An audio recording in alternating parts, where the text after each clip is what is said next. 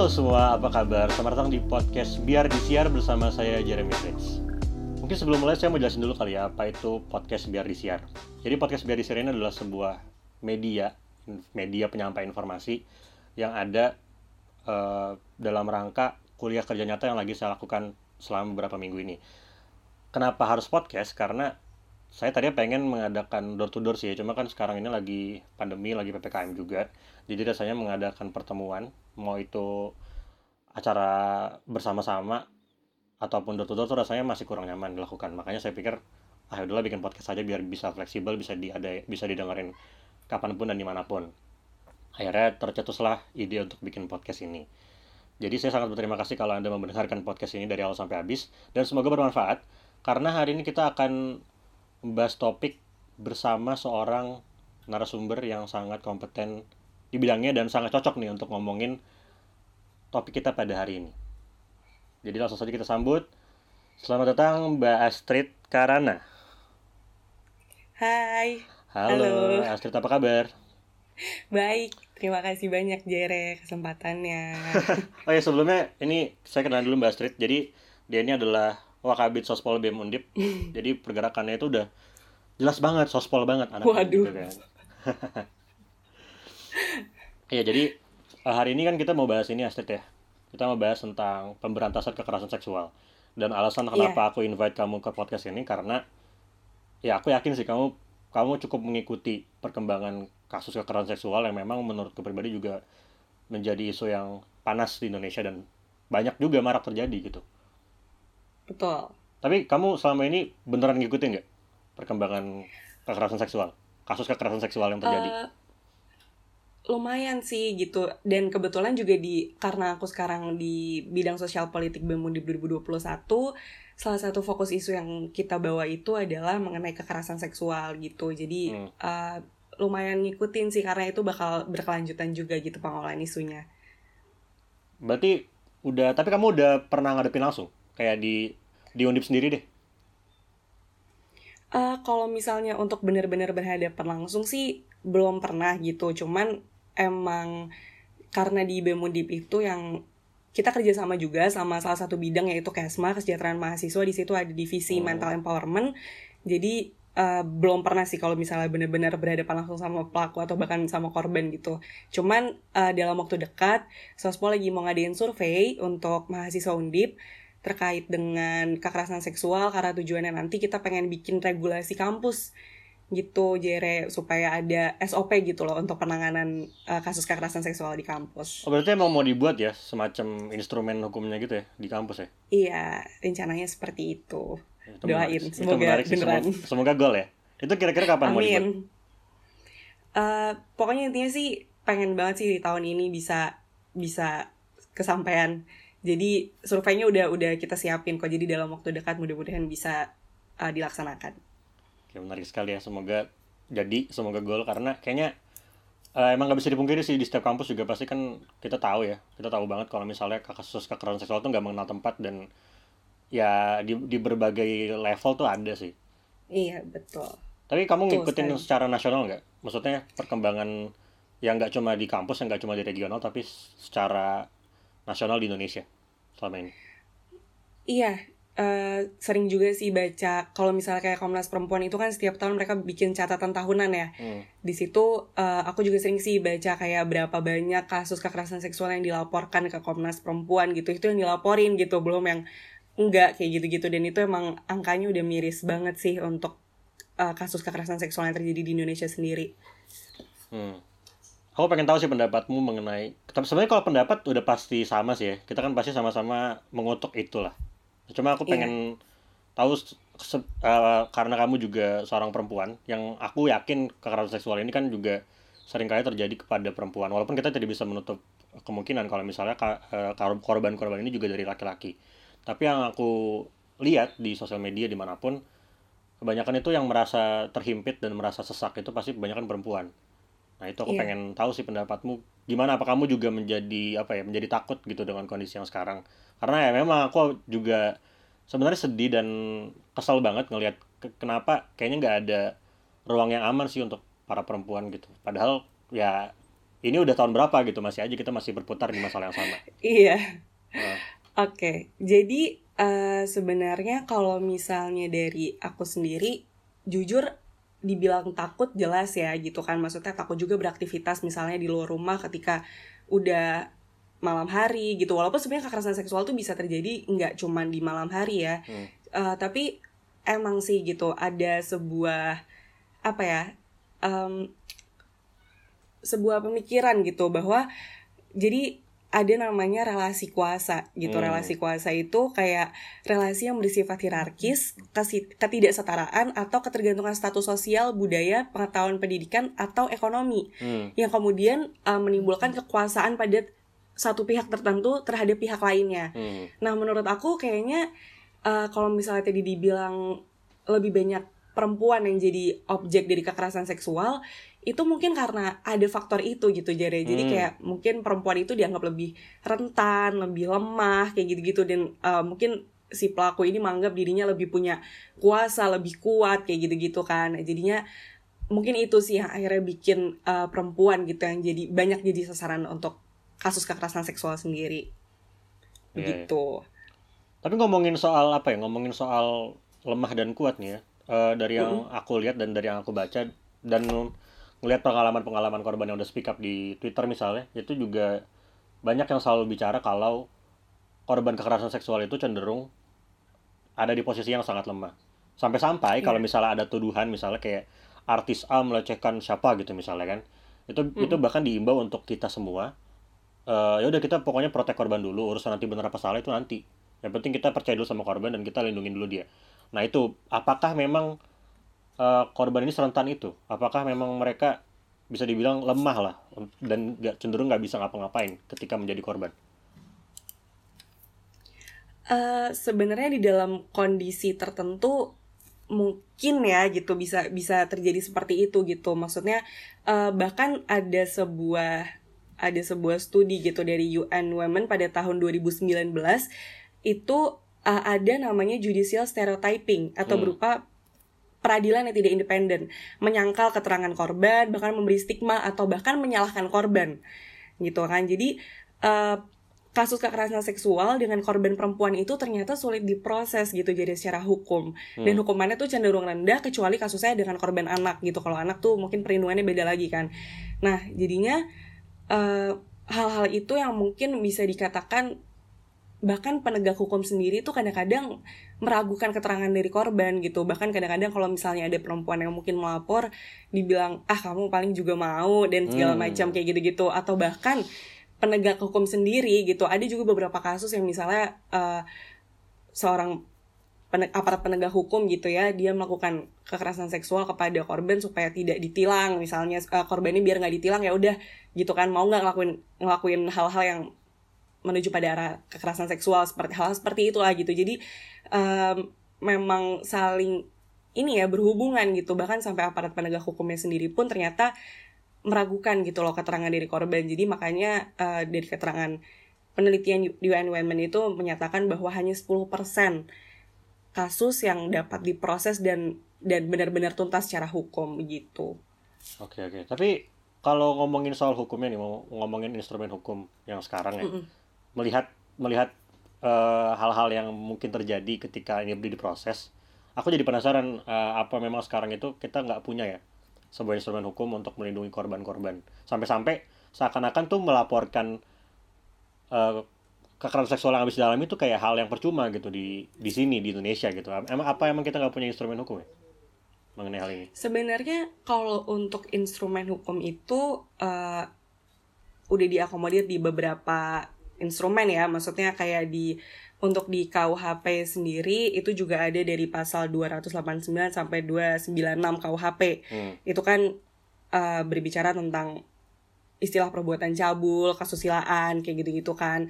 Nah, cuman sebenarnya mungkin ada juga di undang-undang lain gitu kayak misalnya eh, apa namanya untuk undang-undang penghapusan KDRT, terus habis itu juga undang-undang perlindungan anak itu juga sebenarnya menyebut pasal-pasal mengenai eh, hak perlindungan korban atas kekerasan seksual kayak gitu-gitu. Cuman uh, sebenarnya mungkin ini dulu kali ya jadi kita bicara dulu sebenarnya definisi kekerasan seksual itu kan luas banget ya Oke, boleh, boleh. ada banyak banget gitu Hmm. jenisnya nah jadinya itu sih sebenarnya yang belum ada gitu loh. Jadi uh, belum ada perlindungan secara komprehensif gitu dari dari instrumen hukum yang ada saat ini. Kayak gitu. Karena sebenarnya jenis-jenis kekerasan seksual itu banyak banget dan belum terakomodir di regulasi yang udah ada. Kayak gitu. Bahkan kalau misalnya kita lihat di RUU PKS gitu ya kita bicara tentang Hmm. uh, ada di RUU PKS sebenarnya di pasal 11 RUU PKS itu ada 9 bentuk kekerasan seksual. Dan itu nggak nggak disinggung gitu loh di uh, instrumen yang ada saat ini. Yang ada mungkin ya pemerkosaan uh, persetubuhan itu ada gitu kan. Cuman untuk seperti contohnya eksploitasi seksual pemaksaan kontrasepsi pemaksaan aborsi pemaksaan perkawinan pemaksaan pelacuran perbudakan seksual penyiksaan seksual itu nggak diatur gitu. Maksudnya tidak diatur secara komprehensif. Terus habis itu uh, juga sebenarnya untuk di di perlindungan hukum yang ada saat ini itu tuh sebenarnya belum bisa pertama belum bisa mengakomodir untuk definisi kekerasan seksual yang lebih luas. Hanya beberapa jenis aja yang udah diatur dan itu pun uraian delik dan unsurnya juga masih terbatas. Hmm. Terus eh, apa namanya untuk di ya itu tadi di KUHP yang aku bilang itu di pasal 289 sampai pasal 296 itu aturan yang ada belum menyediakan skema perlindungan, penanganan dan pemulihan korban yang komprehensif berkualitas dan ber- berkelanjutan gitu. Terus habis itu masalah pendampingan korbannya, eh, pemulihan kondisi korbannya. Nah, hal-hal itu yang sebenarnya eh, kita butuhkan gitu. Bahkan untuk masalah hak korban sendiri itu eh, untuk secara prosedural prosedural ya belum memenuhi kebutuhan korban kekerasan seksual. Misalnya dalam hal kemudahan pelaporan. Hmm. Jadi dari beberapa undang-undang yang mengatur nih itu tuh hanya undang-undang penghapusan kekerasan dalam rumah tangga atau PKDRT aja yang mengatur kekhususan pelaporan oleh korban di mana korban itu nggak harus lapor langsung gitu. Jadi bisa dibilang eh, deliknya delik biasa bukan delik aduan gitu ya. Hmm. Eh, dapat dikuasakan kepada kuasanya gitu. Jadi hal ini diatur berbeda mungkin karena delik yang ada di dalam UU PKDRT itu adalah eh, apa namanya delik aduan sehingga perlu ada jaminan bahwa korban tetap dapat melaporkan kasusnya meskipun pelaku adalah orang terdekat korban kayak gitu. Jadi eh, itu yang yang sebenarnya belum ada gitu loh hanya di undang-undang sektoral di undang-undang PKDRT aja yang ada saat ini kayak gitu. Jadinya itu juga menghambat korban untuk untuk karena gimana ya nggak semua situasi korban kekerasan seksual itu kan berani langsung melapor apalagi misalnya dilakukan sama orang terdekatnya mungkin dilakukan sama keluarganya sendiri kayak gitu-gitu kan Jere jadinya uh, diperlukan sebuah instrumen hukum yang mendukung bahwa uh, pelaporan itu tidak hanya dilakukan tidak tidak dilakukan bisa hanya oleh korban tapi juga bisa dikuasakan sama orang lain kayak gitu untuk bisa melaporkan kayak gitu untuk bisa tetap akhirnya diproses secara hukum. Oke, oke, menarik sih ya. Jadi ini ya, karena kamu tadi mention soal RUU PKS ya. Kayak tadi Ya. kamu sempat bahas itu. Nah, ini Hmm. ini juga menurutku menarik karena RUU PKS ini kan sebenarnya udah dicita-citakan tuh dari lama ya. Kayaknya 2015 sebaca itu. Udah udah mulai udah mulai dirancang dan diajukan. Cuma sampai sekarang ini masih mentok nih. Setahu terakhir itu kabarnya keluar dari prolegnas yang sebelumnya ada kan dia masuk prolegnas cuma entah sejak kapan dicabut ya kayaknya ya. Nah, Iya. eh kira-kira kalau misalnya nanti RUU PKS ini menjadi UU PKS, artinya dia dia jadi goal, kira-kira apa aja sih yang bisa diharapkan dari UU PKS ini? Apa yang bisa membedakan? Apakah UU PKS ini beneran bisa membawa kemajuan gitu? Apa bener apa bener bisa lebih mengakomodasi banyak korban seperti yang memang dicita-citakan oleh kita semua? Em, mungkin aku jawab singkatnya aja ya. Jadi Mhm. kayak tadi tuh aku bilang masalah bentuk-bentuk kekerasan seksual. Jadi eh, di aturan KUHP, Undang-Undang Penghapusan KDRT, Undang-Undang PTPO dan lain-lain itu eh, belum mengakomodir eh, definisi kekerasan seksual atau bentuk-bentuk kekerasan seksual secara keseluruhan gitu. Tapi eh, RUU PKS ini mampu mengakomodir itu. Jadi bentuk-bentuk kekerasan seksual yang mungkin selama ini kita pikir bukan kekerasan seksual atau bahkan pelaku tuh mungkin nggak sadar kalau itu kekerasan seksual itu bisa diakomodir gitu dalam RUU PKS kayak gitu. Terus habis itu juga nantinya uh, RUU PKS ini akan berfungsi sebagai hukum pidana khusus kan. Mhm. Karena peraturan delik-deliknya atau bentuk-bentuk kekerasan seksualnya akan dianggap lebih jelas dan lebih dalam gitu dibandingkan dengan yang ada di KUHP atau peraturan lainnya. Nah, hukum acara memiliki kekhususan dalam proses pelaporan, penyidikan, penuntutan, persidangan dan pasca putusan. Jadi uh, sebagai pencegahan non panel polisi. Jadi sebenarnya uh, lebih komprehensifnya itu bukan hanya di masalah definisi, masalah sanksi, tapi juga untuk proses hukumnya tuh pada akhirnya nanti dalam hukum acaranya akan lebih jelas gitu loh bagaimana proses pelaporannya, penyidikannya, penuntutan dalam persidangannya gitu-gitu. Kemudian untuk hak-hak yang dilindungi di dalam uh, RUU PKS itu juga termasuk hak-hak korban dan keluarganya itu lebih akan dibahas jauh lebih komprehensif juga gitu tentang hak atas penanganan, hak atas perlindungan, hak atas pemulihan gitu kan termasuk pemulihan pasca putusan pengadilan hingga hak atas ganti rugi Hmm. gitu. Terus habis itu juga nanti eh, RUU PKS itu menjalankan sistem peradilan pidana terpadu mulai dari proses pelaporannya, penyidikannya, penuntutannya sampai persidangannya gitu. Terus secara eh, ruang lingkup gitu kan, secara ruang lingkup itu RUU penghapusan kekerasan seksual itu meliputi pencegahan, penanganan, perlindungan, pemulihan korban, penindakan pelaku, kerjasama koordinasi antar lembaga, dan pendanaan, pengawasan atas pemantauan, partisipasi masyarakat, kayak gitu-gitu. Jadi Hmm. ruang lingkupnya ini jadi jadi jadi luas gitu loh. Jadinya eh, kita bisa apa ya? eh, pada akhirnya ini tidak menjadi kasus yang penyelesaiannya sempit lagi kayak gitu. Terus eh, tindak pidananya juga ya itu tadi sih mungkin karena bentuk-bentuk kekerasan seksualnya disebutkan yang lebih lengkap kayak gitu ya. Jadi eh, ada jaminan lah untuk korban eh, tidak apa akan dilindungi walaupun mungkin eh, apa yang dia alamin itu bukan apa yang tercantum dalam KUHP saat ini gitu loh. Maksudnya yang di KUHP bicaranya hanya mungkin pemerkosaan, terus habis itu tadi tindakan cabul, persetubuhan, kayak gitu-gitu. Nah, di RUU PKS ini kita bicara lebih lebih komprehensif, lebih banyak, lebih lengkap kayak gitu-gitu. Jadi ada perlindungan dan rasa aman yang uh, bisa diberikan gitu kepada korban. Ya menarik ya, berarti memang RUU PKS ini sangat berguna dan diharapkan banget harusnya ya. Cuma entah kenapa sampai sekarang masih nggak gaul juga. Tapi kayaknya kalau kita bahas itu nanti bakal panjangan ya. Karena kan Panjang banget Iya, ya. pergolakan RUU PKS ini terlalu banyak dari berbagai elemen kurasa ya. Ada yang dari Betul. dari eh, legislatifnya sendiri, dari masyarakat juga menuai apa ya, menuai kontroversi juga ternyata RUU PKS ini padahal RUU PKS dimaksudkan untuk hal-hal yang sebenarnya ujung-ujungnya untuk masyarakat lagi. Apalagi untuk orang-orang yang memang menjadi korban dari kekerasan seksual kayak gitu. Iya. Nah, sambil menunggu nanti bakal masuk prolegnas lagi yang entah kapan ya.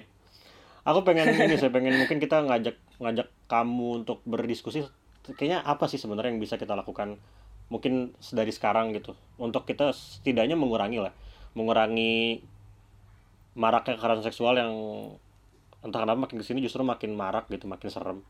Menurut kamu ada nggak sih hal yang bisa dilakukan oleh masyarakat sendiri tanpa harus apa ya istilahnya sambil menunggu si RUU PKS ini goal? Apa kira-kira yang bisa dilakukan Eh, sebenarnya sih yang pertama mungkin menurut aku eh, mindset dan kesadaran gitu ya. Jadi Hmm. menurut aku penting banget untuk masyarakat tuh tahu sebenarnya bentuk-bentuk kekerasan seksual itu ada apa aja. Terus habis itu juga eh, ini sih yang paling penting adalah mengerti bagaimana situasi dan kondisi korban gitu bisa menciptakan ruang yang aman setidaknya bagi korban untuk bicara gitu loh punya punya safe space lah gitu korban itu untuk bisa speak up tentang apa yang dia alamin. Kayak gitu. Terus habis itu juga mungkin mendorong aparat penegak hukum untuk bisa menyikapi kasus-kasus kekerasan seksual ini benar-benar untuk diproses secara hukum sesuai dengan hukum yang ada gitu. Maksudnya eh, kalau misalnya kita bahkan gimana ya kalau misalnya kita eh, baca-baca lebih lanjut ya gitu kan eh, untuk sebenarnya kekerasan seksual yang berbicara masalah perbuatan cabul itu tuh bisa juga sebetulnya mengakomodir perbuatan-perbuatan yang melanggar rasa kesusilaan hmm. kayak gitu yang itu disebutkan sama R. Susilo dalam bukunya KUHP serta komentar-komentarnya itu dianggapnya bahwa istilah perbuatan cabul dijelaskan sebagai perbuatan yang melanggar rasa kesusilaan atau perbuatan lain yang keji dan semuanya dalam lingkungan nafsu berahi kelamin kayak gitu.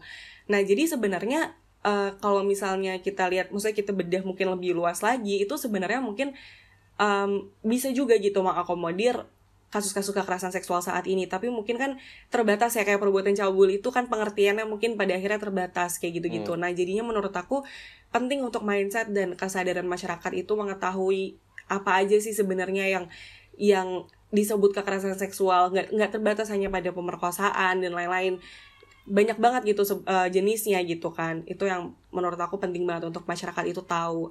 Terus habis itu juga apa ya em, ya itu tadi sih bisa memberikan safe space gitu kepada korban. Karena kalau misal menurut aku pribadi kayaknya susah untuk kita em, mengontrol hawa nafsu orang lain ya. Tapi Mhm.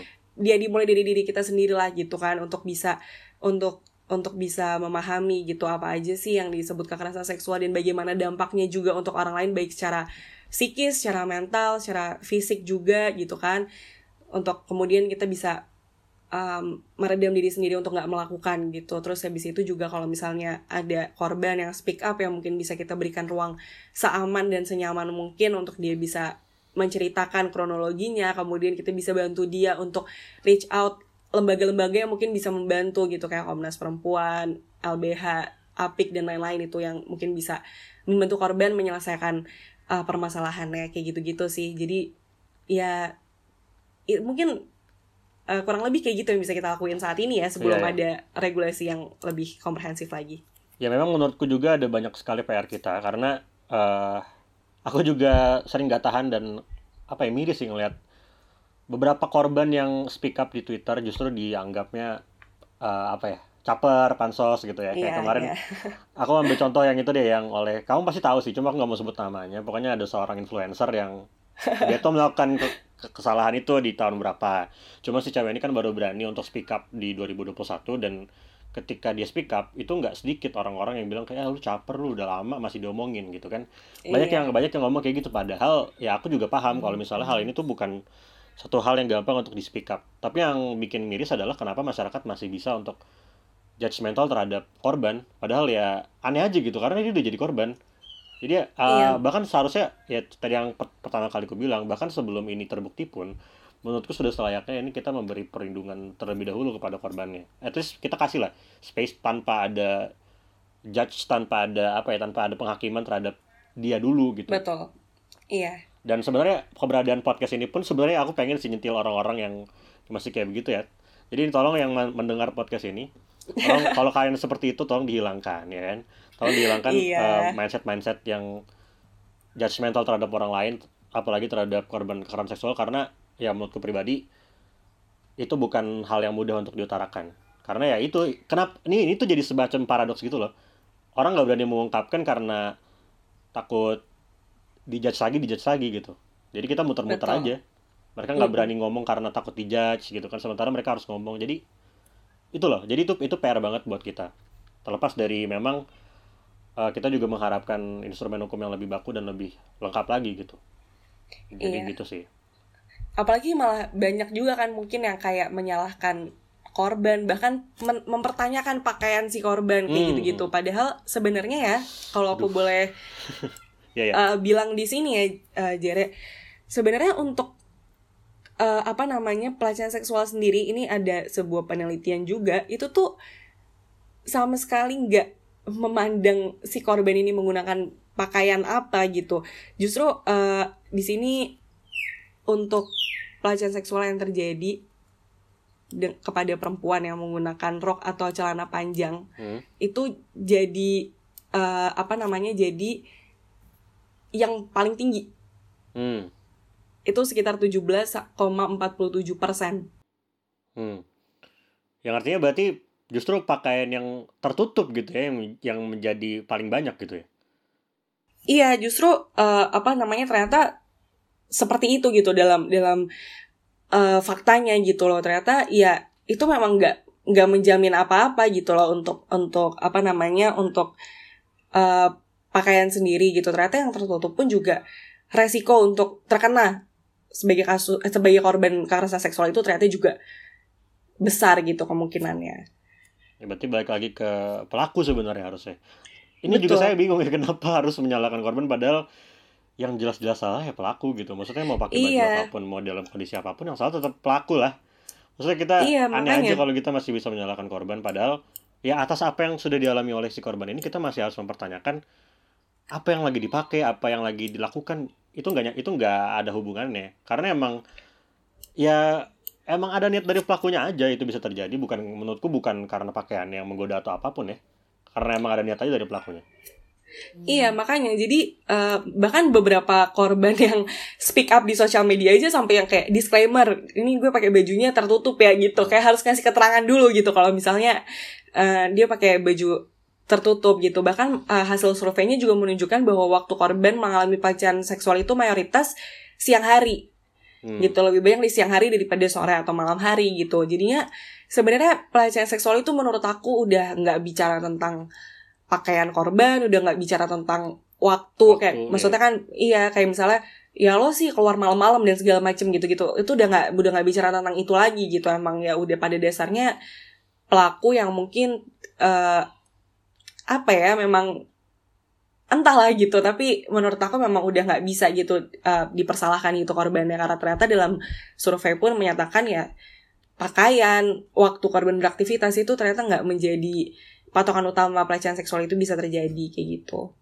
Iya itulah. Makanya aku selalu sebenarnya selalu pengen mengingatkan kepada orang-orang ya. Maksudnya ya at least walaupun aku cuma ngomong di Twitter atau di Instagram atau di mana pun tapi sebenarnya harapannya adalah kita tuh berhenti untuk menyalahkan korban victim blaming kita kita berhenti untuk judgmental terhadap korban dan kita mulai untuk setidaknya kalau kita tidak bisa melakukan tindakan preventif at least kita bisa kasih eh, ruang untuk mereka speak up kalau memang mereka ya menjadi korban gitu dan kita nggak perlu untuk untuk mem- men- menanyakan dia dengan pertanyaan yang intimidatif dan bikin dia jadi enggan ngomong. Padahal menurutku ya cara paling awal kan untuk speak up dulu ya, untuk bisa sembuh dari dari perasaan mungkin mungkin mungkin guilty-nya gitu.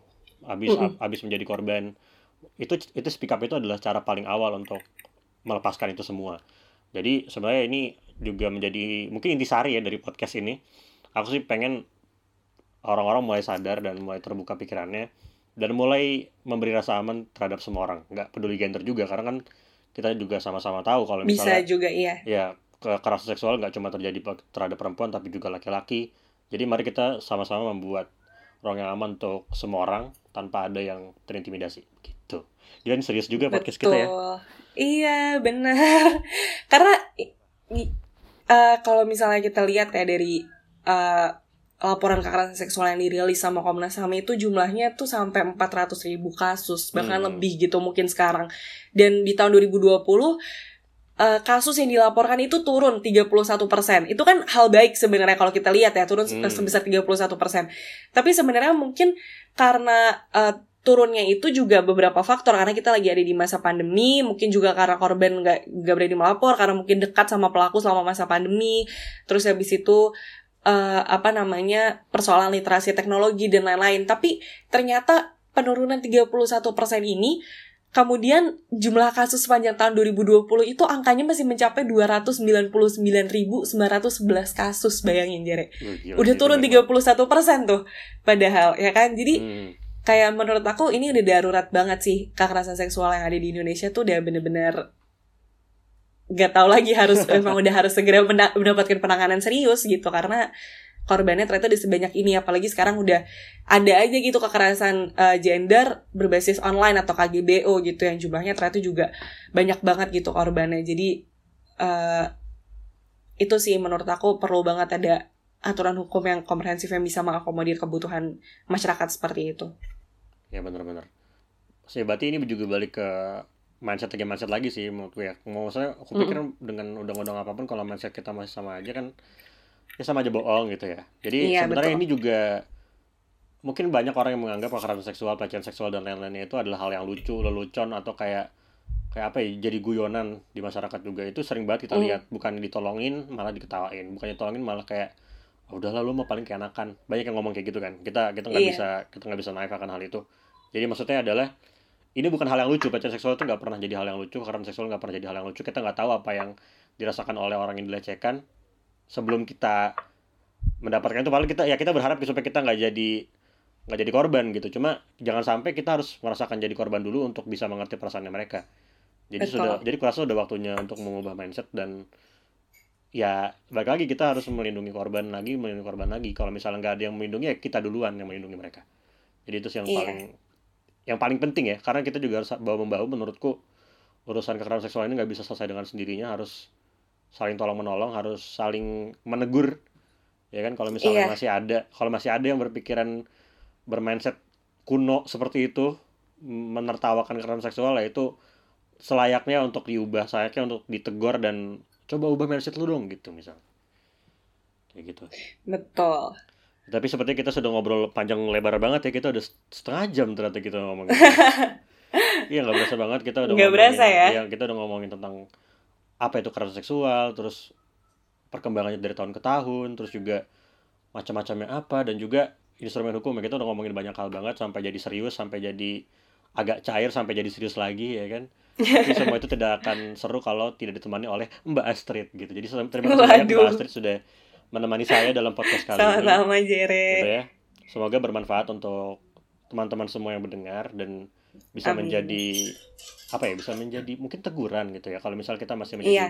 salah satu orang yang punya mindset yang agak apa ya agak sempit lah boleh dibilang itu semoga kita bisa lebih terbuka dan kita lebih peka terhadap sekitar jadi itu Betul. dia mungkin pesan moral dari ini dari podcast kali ini mungkin Mbak Astrid ada sepatah dua patah kata untuk para pendengar yang yang sangat motivatif dan menggelegar gitu Iya, em, kalau dari aku sih mungkin nggak nggak beda jauh ya. Sebenarnya mungkin pertama kalau dibilang aku kompeten banget gitu untuk bicara tentang hal ini, mungkin enggak sebenarnya ya, Eh, belum gitu. Jadi eh, apa namanya, aku juga karena kebetulan di organisasi aku sekarang juga concernnya adalah tentang kekerasan seksual gitu ya. Jadi ya sedikit banyak mungkin bisa bisa ngikutin dan bisa kasih opini lah tentang hal ini gitu. Tapi mungkin mohon maaf juga mungkin nanti kalau misalnya teman-teman yang mendengar ad- merasa ada informasi yang mungkin miss, aku juga mohon maaf gitu ya. Tapi eh, mudah-mudahan itu tadi sih mindsetnya bisa berubah gitu bahwa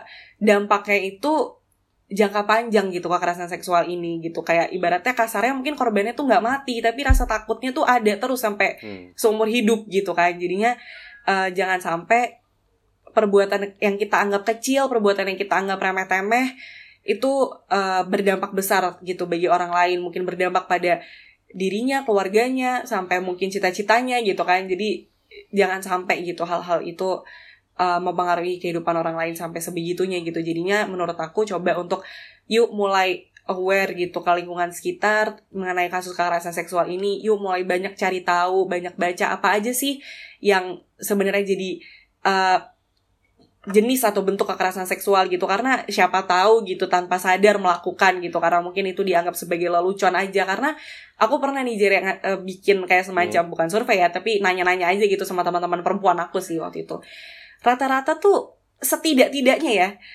eh, sekali aja seumur hidup pasti cewek itu pernah ngalamin yang namanya catcalling itu Hmm. pasti pernah gitu ada momen mereka di catcalling gitu kan jadinya aku kayak oh ya eh, bahkan kekerasan seksual yang mungkin dianggapnya minor ya tapi itu terjadinya ke hampir ke ke banyak perempuan ya yang yang karena yang aku tanya teman-teman perempuan aku gitu ke hampir banyak perempuan ke banyak perempuan dan Hmm.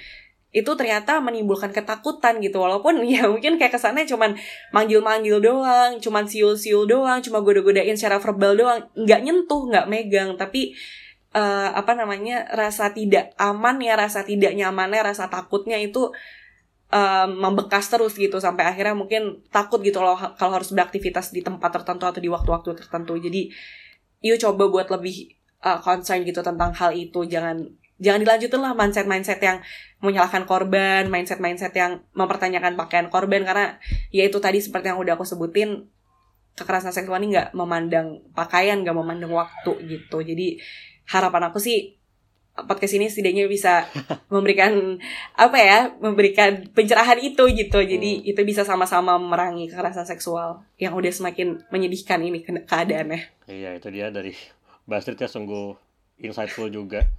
Jadi ini sekali lagi nih untuk semuanya semoga kita bisa saling bahu membahu untuk memberantas kekerasan seksual karena kalau bukan kita siapa lagi gitu kan yang biasa di- asik digaungkan oleh iklan-iklan. Jadi itu aja untuk podcast hari ini sekali lagi terima kasih Mbak Astrid sudah menemani saya dan sudah memberikan Ya, informasi yang luar biasa juga. lengkap ya. Semoga sukses. Oh ya by the way Mbak Astrid ini juga lagi KKN ya teman-teman. Jadi kalau misalnya mau cek silakan gitu Instagramnya Bastard karena di Jul KKN di Semarang. Betul. Ya, jadi Terima sekal- kasih. Ya, sekali lagi terima kasih sudah hadir dan terima kasih juga teman-teman sudah mendengarkan podcast eh, kali ini. Semoga selalu sehat dan selalu bersemangat dan sampai ketemu lagi di kesempatan berikutnya. Dadah.